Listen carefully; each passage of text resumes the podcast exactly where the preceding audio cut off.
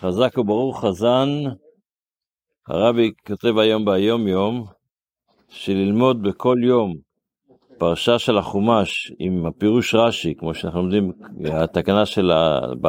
וזה בעצם תקנה של האדמו"ר הזקן, אבל הרבי הקודם הוסיף על זה, ש...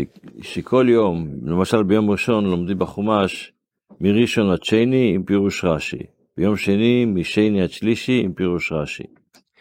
וגם את התקנה שאומרים תהילים בכל יום לפי חלוקה של ימי החודש, וגם תקנה נוספת שהרבי מזכיר פה, לא קשור לחיטת, אבל קשור לתקנה של האדמו"ר הקודם, של לסיים את, את כל התהילים בשבת מברכים, כמו ש... את זה צריך מאוד לשמור, זה שלוש תקנות שצריך לשמור על זה מאוד, וזה נוגע לו ולזרעו ולזרע זרעו עד עולם. האמת היא שהרבי הקודם, כשהוא מסביר את העניין הזה, הוא מביא במכתב שהוא כותב על זה, סיפור שהיה בזמן הבעל שם טוב. בזמן הבעל שם טוב היה פעם גזירה על איזה עיר בשם שכלו עלינו, יהיה לה בלאגן, יהיה לה כיליון. והצדיקים ניסו, הצדיקים שראו את זה ברוחני, ניסו למנוע את הגזירה הזו. הוא קרא, לה, קרא לעוד שני צדיקים נסתרים, אחד קוראים לו רב מרדכי ואחד קוראים לו רב קהת. והם ישבו כבדין וניסו לבטל את הגזרה ולא הצליחו. אז הבעל שם טוב עלה, עשה עליית נשמה, ועלה לשמיים לראות אולי משם, מקרוב יותר, וינסה לבטל את הגזרה. אז בעוד שהוא הולך בשמיים, הוא רואה איזה חדר שיש שם הרבה אור. וכשהגיע לחדר הזה, הוא מצא, הוא ראה שזה חדר של יהודי שגר בעולם הזה, והמעלה של מה גורם לו את האור זה בגלל שהוא כל יום מסיים חמש פעמים את הספר תהילים. חמש פעמים את ספר תהילים. ומה שמאיר שם זה האותיות של התהילים שאותו יהודי, זה בר שם טוב ירד לעולם הזה וחיפש את הכתובת של אותו אדם פשוט, והלך אליו וביקש ממנו, שאל אותו, אתה מוכן להקדיש את כל התהילים שאתה אומר, להציל עיר בישראל שיהודים לא ייפגעו בה? אז הוא אמר, ודאי. וזה הציל את, ה... הציל את, ה... את העיר הזו. אז כמה... התהילים שלו? התהילים של אותו אדם. וואו. זה, אז הוא מסביר שמזה אנחנו לא מבינים כמה תהילים יש לו עוצמה, צריך להשתמש בזה, לנצל את זה. בספר המצוות לומדים היום את אותה מצווה שלמדנו גם אתמול. במקרה כזה אנחנו חוזרים, הולכים ליד החזקה.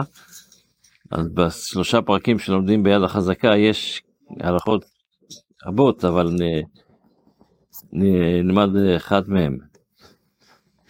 הרמב"ם כותב, אומר, מעשה באדם אחד, שרצה להתחתן, לישא אישה.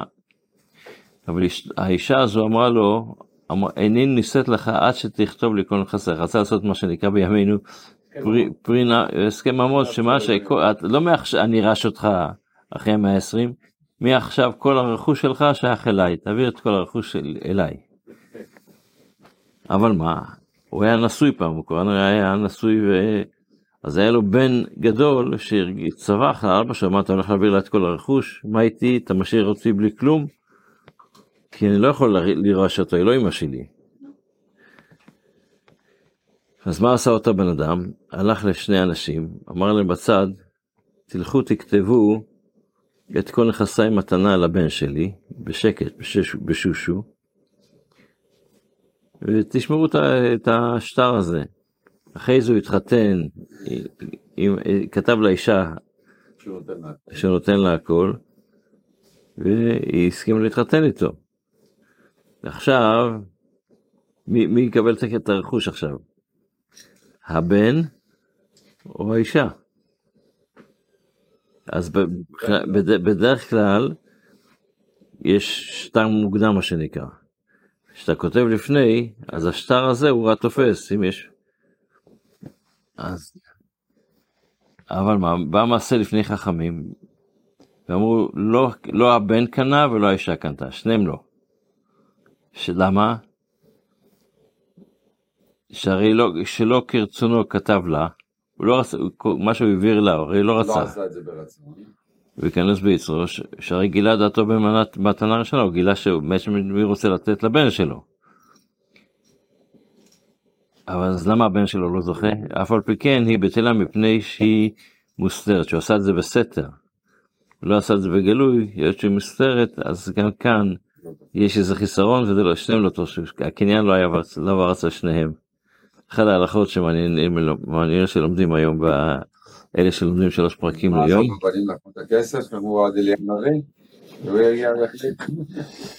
מה, ועשו את הכסף, טוב, זה בירושה, הוא יכול עכשיו לראש, הוא יורש כיורש, זה משהו אחר.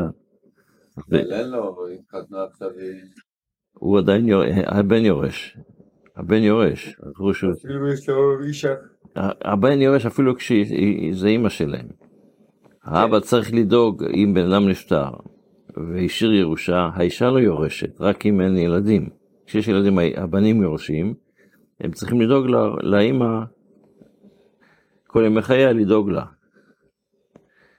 אבל הירושה היא בעצם ל- לילדים. אבל זה כבר נושא אחר. לא... בספ... בתפילה אנחנו סיימנו פחות או יותר את יום ראשון ועוברים ליום שני.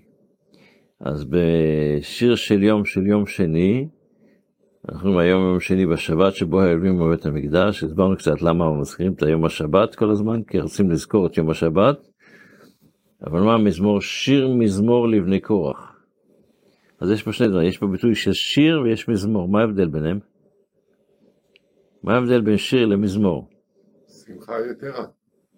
אז אה, רוב המפרשים, מפרשי התהילים אומרים שיר זה בפה ומזמור זה בכלי נגינה. השיר מזמור, שהשיר הזה שהם על, על, על בני קורח אמרו, הם אמרו אותו גם בפה, אבל גם השתמשו בכלי נגינה. מתי הם אמרו את זה? מתי השיר מזמור הזה לבני קורח?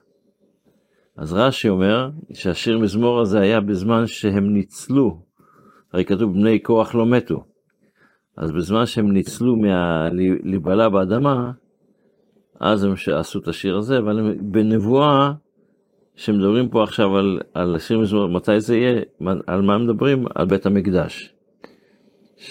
למה בחרו את זה דווקא ביום שני? אם ירצה השם נדבר על זה מחר. שיהיה לנו יום טוב, בשורות טובות.